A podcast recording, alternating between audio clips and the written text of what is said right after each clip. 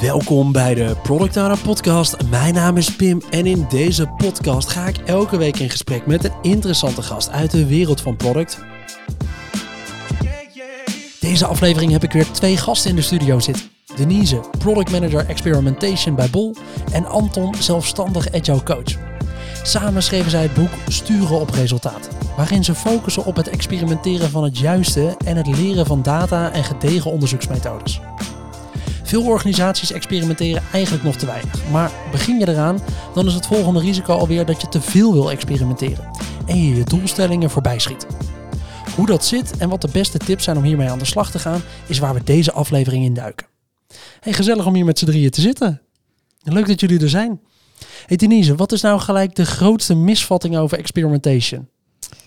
Dat het moeilijk is. Ja? Ja, dus ik denk dat veel mensen wel hun mond vol hebben over hè, dat zouden we moeten doen, maar we beginnen er nog niet aan. Terwijl mijn advies eigenlijk is, begin nou maar gewoon. En dan zie je wel tegen welke grenzen je aanloopt. Ja. Hè, juist door het te doen weet je, oh, die succesmetric die we hadden bedacht, die kunnen we eigenlijk helemaal niet uh, beïnvloeden. Of de hypothese die we hadden opgesteld, ja, als we de data erbij hebben, dan ja, kunnen we dat dan eigenlijk wel echt bewijzen. Ja. Dus dat kan je van tevoren allemaal helemaal bedenken, maar gewoon door het een keer te doen, ja, loop je tegen de, de realiteit aan, zeg maar, en word je er steeds beter in. Ja, waar zit dan die eerste angst in bij heel veel mensen? Waardoor denken ze nou in eerste instantie, oh, dat is dan toch wel lastig om hiermee aan de slag te gaan. We gaan het even uitstellen. Nou ja, misschien bij de perfectionisten van het moet helemaal goed. Hè? Dus het, het, is, het experimenteren is natuurlijk best wel een combinatie van heel veel vakgebieden. Ja. Dus het gaat om, heb je een goed alternatief? Maar het gaat ook om statistiek. Hè? Dus de, de, de, de verschillende spectrums zijn best wel uh, uiteenlopend. Als je het allemaal goed wil doen, dan is dat misschien als een hoge drempel. Maar misschien uh, zijn er ook nog wel mensen die zeggen, ja, maar als ik een experiment doe, dan blijkt misschien wel dat ik helemaal geen gelijk had. Ja. Uh, en dat is dan misschien wel een confrontatie die je liever uit de weg gaat. Oh, die is leuk. Dan gaan we zo meteen eens even deze aflevering uh, even flink uh, induiken. Ik vind het leuk om hier met z'n, met z'n drieën zo te zitten. En ook vond ik het wel een mooie combinatie. Jullie hebben samen uiteindelijk een boek geschreven. Uit wel twee hele in, verschillende invalshoeken. Anton, hoe kwam het nou? Waarom zijn jullie een boek gaan schrijven samen?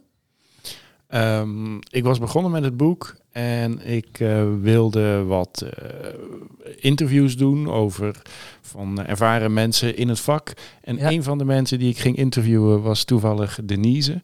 En in dat uh, gesprek hadden we zo'n goede klik en zo'n gedeelde visie over experimenteren, over hoe je een team bouwt, over hoe je werkt aan autonomie en over hoe je stuurt op resultaat. Ja. Dat ik aan het eind van het gesprek vroeg. Um, gekke vraag, maar zie het zitten om co-auteur te worden. en, uh, en zo slokte jij even Denise al vrije tijd op voor een jaar lang. Ja. Nou, dat weet ik niet. Het was lockdown, hè? dus dat ja. creëerde heel veel tijd. Ja. Dus dat was fijn. Dus ik voelde me nog niet echt iemand, echt een schrijver, maar meer iemand die schrijft. Ja. En ik ben wel heel enthousiast over het vakgebied experimenteren. Dus daarom dacht ik, ja, dat doe ik gewoon mee. Ah, en waarom is het voor jou nou zo'n relevant onderwerp? Waarom is dit nou precies een onderwerp wat je eigenlijk in dat boek uiteen moest zetten, maar waar ook waar we vandaag eens in moeten duiken? Ik, het is voor mij een interessant onderwerp omdat ik veel bezig ben met um, autonome teams of teams die uh, zelfsturend zijn. Ja. En uh, die zelfsturende teams die zijn super relevant tegenwoordig, omdat uh, het meeste werk wordt heel complex en, en een klassieke manager top-down kan dat heel slecht overzien, uh, wat nu slim is om te verbeteren. Dus je kan gewoon sneller schakelen met meer autonomie als je niet meer steeds moet gaan inchecken met je manager. En zo'n autonoom team, dus belangrijk dat je dan ook echt zelf leert als, als team. Ja. Uh, dat je zelf beter wordt. Want de manager is er niet meer voor de optimalisatie, alleen voor de richting. En experimenteren is daar een heel belangrijk aspect van. Als jij niet experimenteert, niet leert, niet jezelf verbetert, dan denk ik is er niet echt sprake van autonomie. Want dan ja, ben je gewoon een, een, een, een lange rechte weg aan het aflopen.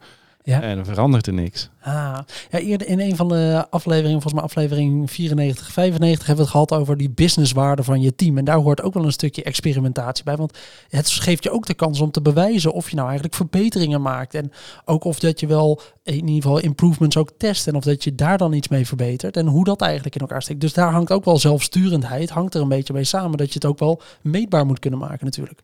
Precies. En juist uh, dat meetbare is ook een heel belangrijk aspect van autonomie. Want als het niet meetbaar is, dan is het heel gauw een, uh, een, een, een, gesprek met meningen. En ja. als het meningen zijn, nou dan uh, wint de persoon met het hoogste salaris of de hoogste positie, de, ja. de hippo, de highest paid person's opinion, ja. uh, krijg je dan. En uh, daar wil je vanaf. Ja. Uh, je wil juist dat meetbare voor elkaar krijgen met experimenteren, waardoor je echt een goed gesprek, inhoudelijk gesprek kan hebben. En, en zo uh, samen leren om steeds beter te worden en die waarde te realiseren. Cool, dan gaan we vandaag eens even, even flink op inzagen dan. Uh, dit wil ik wel beter snappen. Hey Denise, volgens mij vind ik het van jou, jij zit bij Bol als experimentation lead. Ik denk dat we in Nederland veel PO's ook wel naar Bol kijken als, oh, er zijn een paar plekken in Nederland waar experimentation echt op een hoog niveau gebeurt. Bijvoorbeeld bij Booking, bijvoorbeeld bij Bol. Hoe ziet experimentation bij Bol er eigenlijk een beetje uit? Ja, dus ik snap dat mensen naar Bol en naar Booking kijken. We, we hebben de luxe van heel veel verkeer. Dus ja. uh, dat is al een, uh, mak een, een voorwaarde die het experimenteren makkelijker maakt. Hoe het is georganiseerd binnen Bol is, we hebben een team experimentation. Uh, daar zitten engineers in, statisticus, maar ook data engineers. Um, en uh, we bouwen een platform. En het hoofddoel daarvan is eigenlijk om het voor de collega's zo makkelijk mogelijk maken om een experiment te doen. Dat zij zich niet druk hoeven, hoeven te maken. Goh, worden die bezoekers nou goed ingedeeld? Is de Oh. analyse nou goed? Is de conclusie? Hè? Is het een significant resultaat? Ja of nee? Dat hoeven ze allemaal niet te doen. Dat krijgen ze van ons. Ja.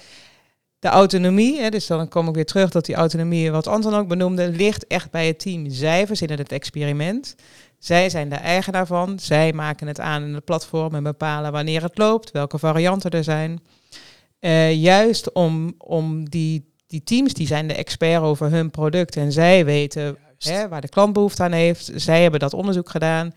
Zij hebben een hypothese opgesteld. Zij hebben de varianten bepaald. En nou ja, dus wij ondersteunen eigenlijk alleen maar met het, het, het repeterende stuk, laat ik zo ja, zeggen. Zo min mogelijk afhankelijkheid ook eigenlijk dus geven naar dat experimentation team.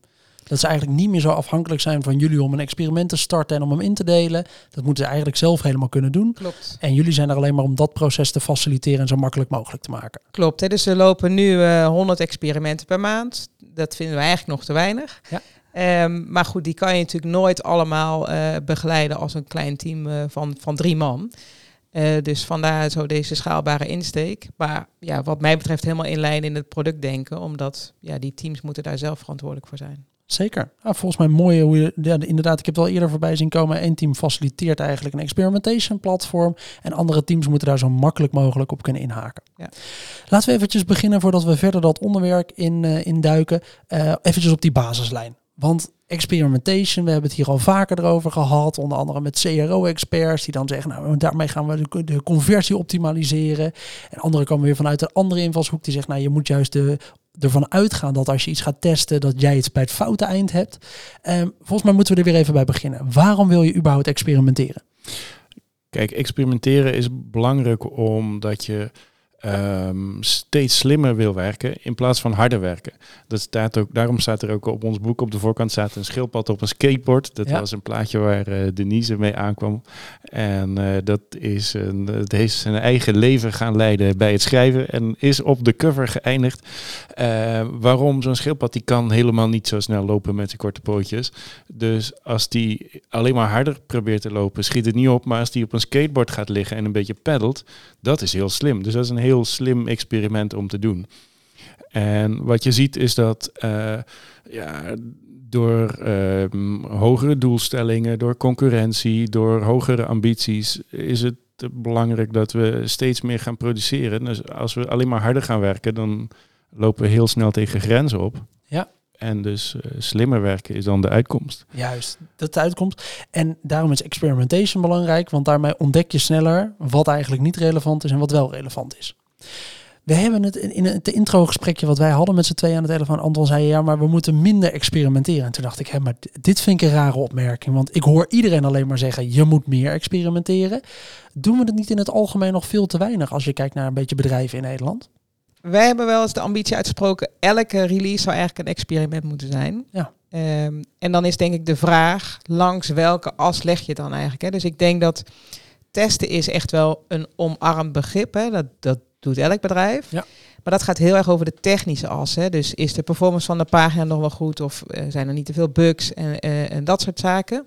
Eh, slaan er niet te veel metertjes in het rood? Ja. Experimenteren is gewoon, denk ik, de equivalent, maar dan aan de gebruikerskant. Hè? Dus zijn de metrics die je definieert, die, die gaan om interacteert de gebruiker met het product zoals ik dat ambieer, Ja. op de juiste manier. Dus ik denk dat je niet voor elke eh, wijziging die je doet aan je product de juiste type validatie kan toepassen. Ehm, hè, dus eh, soms is het heel technisch, maar als het inderdaad richting die gebruiker gaat, omdat je een wijziging voor die gebruiker hebt gedaan, ja, dan is het fantastisch als je een AB-test zou kunnen doen, waarbij je hè, die inderdaad die objectieve scheidsrechter is, doordat je gewoon zegt, oké, ik had de variant zoals ik hem had, Ja. en ik heb een beoogd betere, eh, betere versie.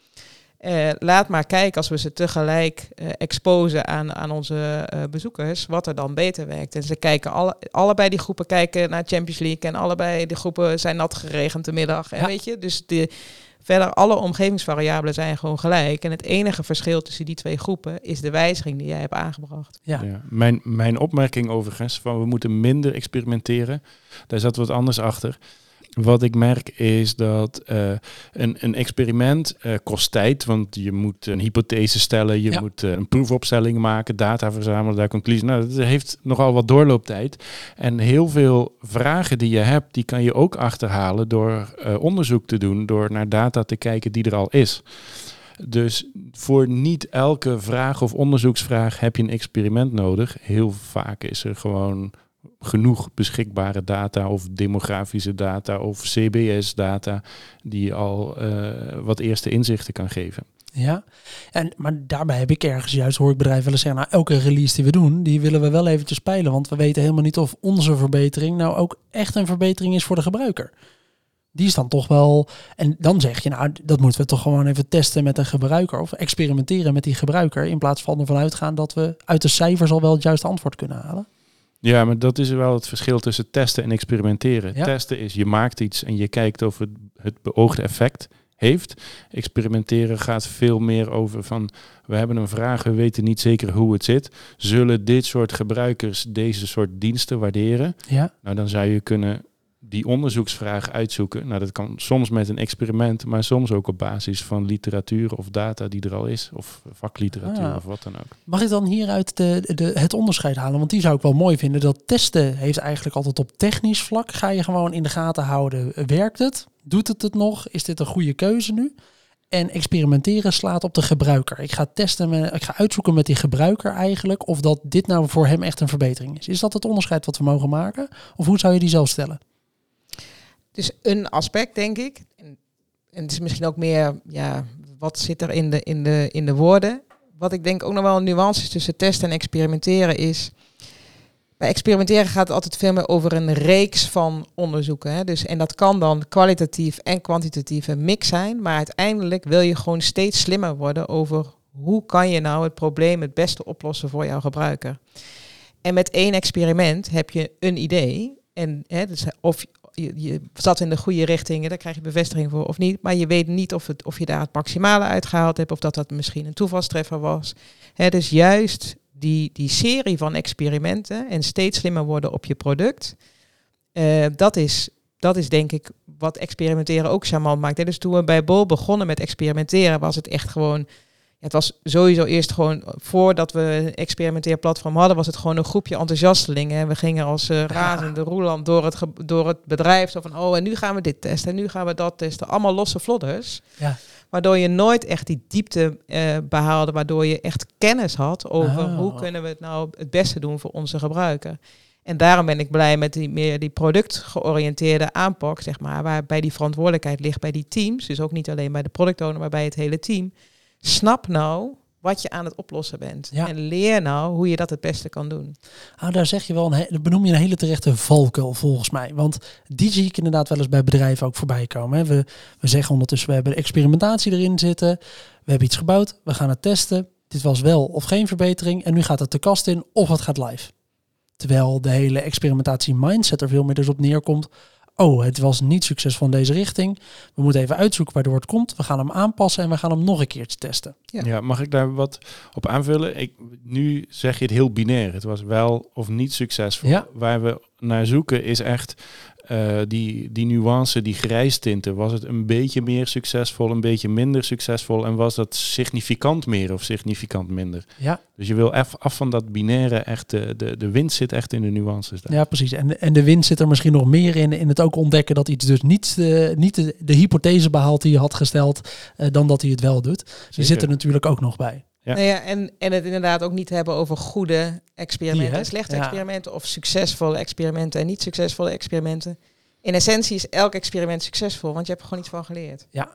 Juist, als je er iets van geleerd hebt, was het een Precies, succesvol experiment. Oké, dus we hebben nu al best wel inzichtelijk dat je eh, wat, hoe experimenteren werkt. En dat eigenlijk wil je alles wel experimenteren. Maar er zit een onderscheid tussen testen en experimenteren ergens. Daarbij weten we ook ondertussen wel dat experimenten niet succesvol zijn als ze jouw hypothese hebben behaald of juist niet hebben behaald. Er een heel breed aspect eigenlijk in, in veel minder, dit is beter of minder geworden op de basis van je hypothese. En dat kan ook een heel klein onderscheid zijn waardoor je juist meer wil blijven testen.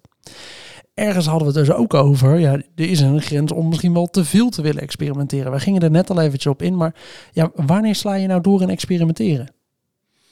Ik denk dat je doorslaat in experimenteren op het moment dat je dingen zijn, eh, onderzoekt die eh, simpel zijn, die goed werken, Ja. die ehm, al lang uitgezocht zijn.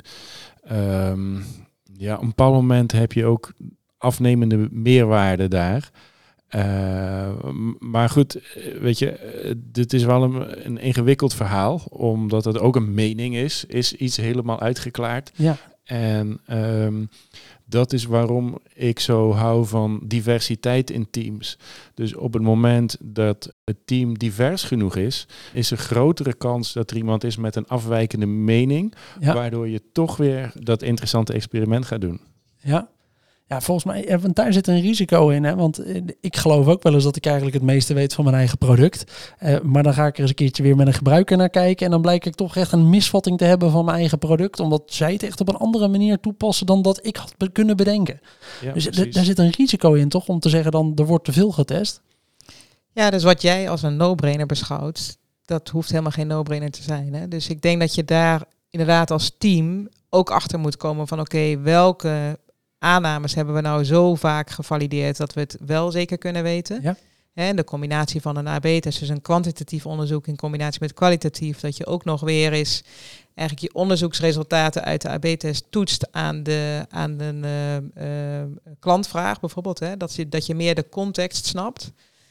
Eh, ik weet wel, we hebben ooit een experiment gedaan bij Bol. en er staat dan vandaag besteld, morgen in huis.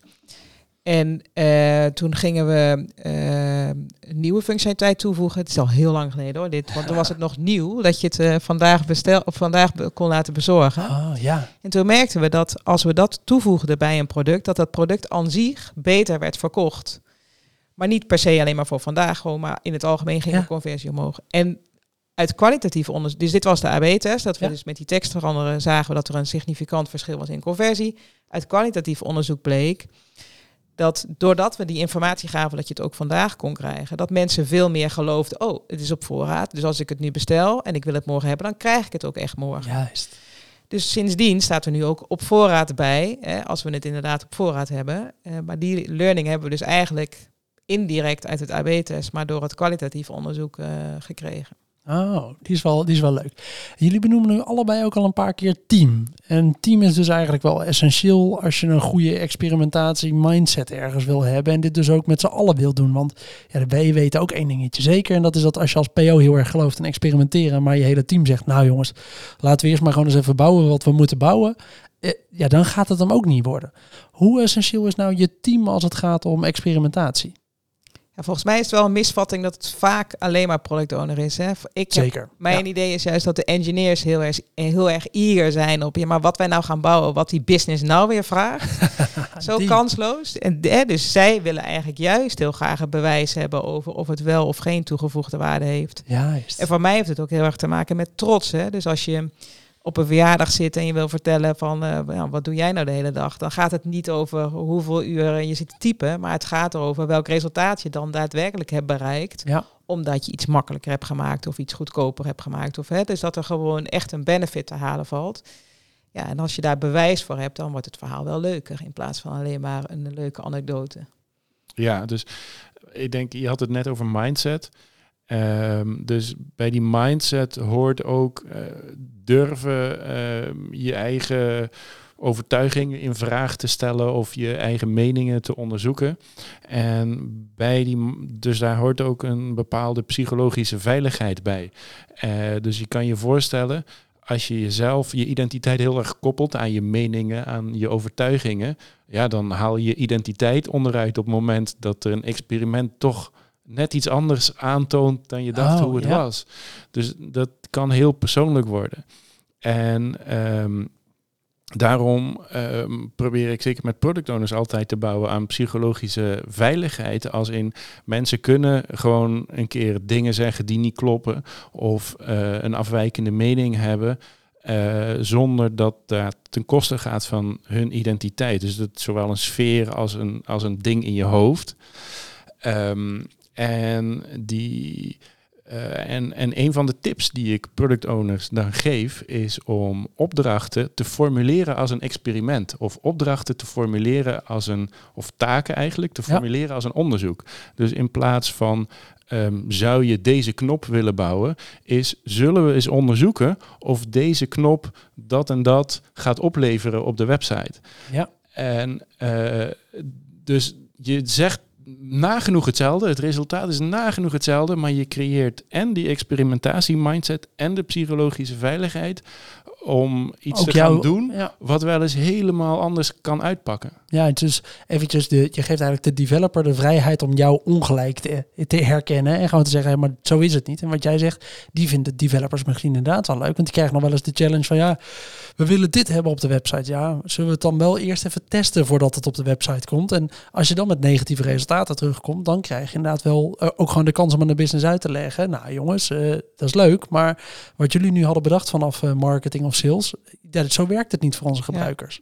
Nou ja, en dus ook wel, hè, dus als je begint en, en het gaat om die eh, psychologische veiligheid, dat het dan ook gewoon goed is om te weten dat het merendeel van de experimenten heeft geen significant positief resultaat. Ja. Dus kan je zeggen, ja, dan ga ik er al niet eens aan beginnen. Eh, want dan, maar als je dan bedenkt, ik implementeer alles maar gewoon, maar dat, als daar dus meer dan de helft eigenlijk geen effect had gehad, ja, Ja. dan is het natuurlijk weer juist wel heel zorgelijk als je alles maar gewoon implementeert. Dus vinden wat dan wel toegevoegde waarde heeft, zorgt ervoor dat je uiteindelijk dat slimmer werken kan gaan doen, omdat je beter weet wat wel werkt en wat niet werkt. Ja, ja, we namen re- recent ook een aflevering op over technical debt. En, en, en een manier door om heel makkelijk heel veel technical debt op te bouwen, is dus gewoon alles wat je bedenkt, gewoon te implementeren op je product.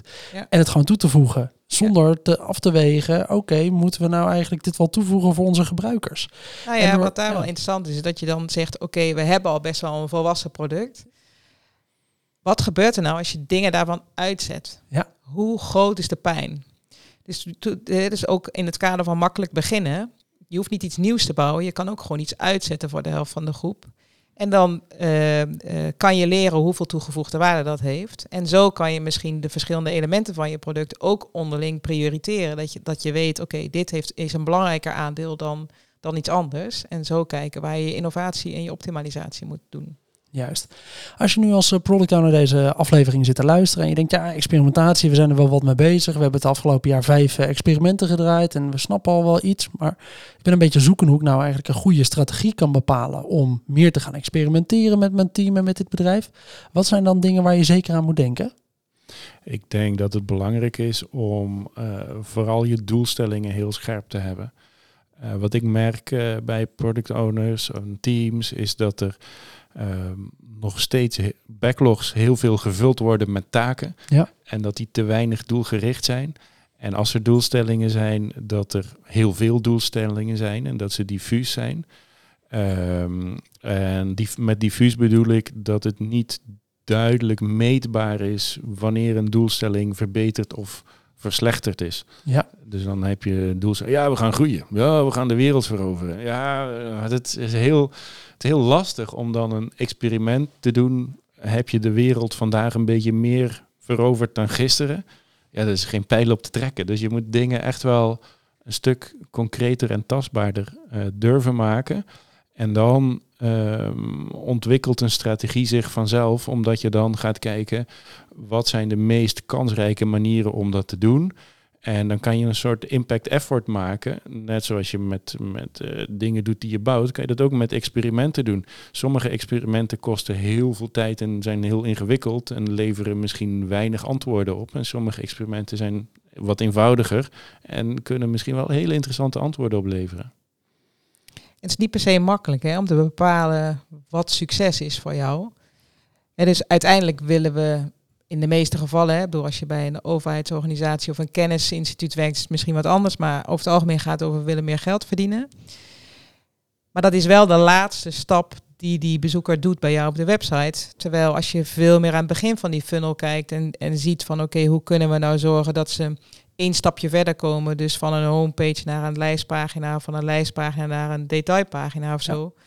Dat zijn veel makkelijker te meten stappen. Dus je ziet wel dat er heel veel teams die beginnen met experimenteren, eigenlijk daar de, de CTR, de click-through rate, als succesfactor um, nemen. Um, nou ja, daar kan je ook wel streng op zijn dat je zegt van ja, um, daar verdienen we geen geld mee. Hè. Het sterker, ja, maar dat zijn lead en lag metrics ergens, toch? Nou ja, precies. Maar dus ik denk dat als je begint met experimenteren, dat dat dan best wel mag. Uh, maar dat je wel als team ernaar moet streven om uiteindelijk wel te leren hoe kunnen we nou dat die uiteindelijke lead metric wel uh, uh, beïnvloeden met onze functionaliteit of ons product. Juist. En uh, stel ik ben nou een luisteraar en ik zit eigenlijk bij een wat kleiner bedrijf dan Bol. Je, je zei het al, we hebben het geluk van veel traffic. Stel ik heb wat minder gebruikers op mijn product zitten, maar ik wil toch eigenlijk experimenteren en beter begrijpen wat er nou gebeurt. Wat is dan eigenlijk de, de oplossing? Ik denk voor alle situaties is het belangrijk om gewoon te beginnen met de data. Hè? Dus wat zie je nu gebeuren? En waar zijn eigenlijk de grootste verschillen ten opzichte van wat je gedacht hebt dat, dat er zou kunnen gebeuren? Ja. Waar zit de meeste ruimte? Want die ruimte heb je nodig om uh, eigenlijk een variant te introduceren die, die, ja, die dat verschil benut, zal ik, zo zal ik het maar zeggen. Uh, en dat is bij, bij, een, bij een grote site als Bol misschien makkelijker en kunnen we iets kleins doen. En als je een kleinere site hebt, en je, dan moet je misschien wel grotere beslissingen nemen. Ja. Um, maar ook wel, hè, waar we het net wel over hadden, van moet je alles dan wel experimenteren. Uh, toen kwam ook wel de, de marktconventies zeg maar, ter sprake. Als je gewoon weet dat iets werkt, ja, dan moet je het misschien gewoon doen. Maar juist misschien als je kleiner bent, is het misschien ook nog wel relevant om te zeggen van oké, dat soort dingen die wel echt zekerheidjes zijn, die ga ik ook gewoon eens valideren om te weten hoe uh, uh, vloeibaar of hoe flexibel zeg maar jouw metrics zijn. Om te weten, kan ik ze überhaupt beïnvloeden of is dit gewoon eigenlijk, eigenlijk de waarheid? Ja, zijn, deze, zijn dit mijn vaste gebruikers en gedragen ze zich altijd zo, ja. wat ik ook aanpas? Want het is denk ik wel belangrijk, wat ergens anders werkt, hoeft niet bij jou te werken. Dat blijft wel een, een aandachtspunt. Ja, dat is, ja, iedereen heeft de eigen klanten en die zijn allemaal uniek. En ik denk, een van de voordelen die je juist hebt als een wat kleinere organisatie, is dat je veel van je klanten heel direct kan benaderen. Ja. Dus je kan uh, ze bevragen, je kan ze observeren. Uh, er zijn tools die laten muisbewegingen zien op je website. Waardoor je echt gewoon naar unieke sessies kan kijken en daar weer uh, hypotheses bij vormen over hoe dingen gaan. Dus um, ja, je, je zit wat dichterbij en je hebt een, een ander soort kwalitatieve data die best wel heel inzichtelijk kan zijn. Maar het slechtste wat je kan doen is uh, gewoon achter je bureau uh, blijven zitten en je eigen aannames volgen.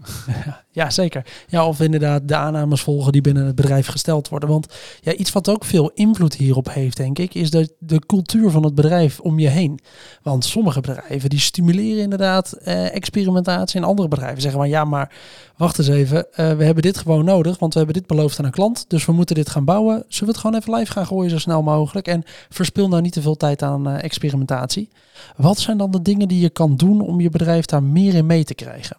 Ik denk dat, je, dat het belangrijk is om dan eh, kleine stappen te nemen. En, en ja, agile gaat niet alleen over autonomie, maar het gaat ook over een iteratief werken. Ja. Dus dat je niet alles in één rechte streep tot het einde bouwt. Maar zeker als je zegt, nou, dit hebben we een klant beloofd. Nou, dat, eigenlijk is dat een van de makkelijkste situaties er is. Want er is er maar één klant. Ja. En bij die klant kan je gewoon om de zoveel tijd bij elke iteratie bevragen of je de goede kant op gaat. Dus ehm, het, ja, eh, ik heb vaak genoeg meegemaakt dat, dat een klant een vraag stelt, maak je specificaties in een eenrechte streep naar het einde. Nou, dan heb je ook geen nul ruimte voor experimenten en Nee. vragen. Nou ja, en ik probeer ook nog wel een beetje, hangt van de karakter van de opdrachtgever zeg maar af. Hè? Maar als het inderdaad zo heel resultaatgedreven is en, en vaak wel rood, dan kan je ook wel zeggen van, ja oké, het is een fantastisch plan. Eh, laten we dat niet ter discussie stellen. Maar ben je dan niet benieuwd hoeveel beter het is? En juist die nieuwsgierigheid met, oh ja, is het 1% beter of is het 10% beter? Ja. Krijg je door een experiment te doen. Dus Juist.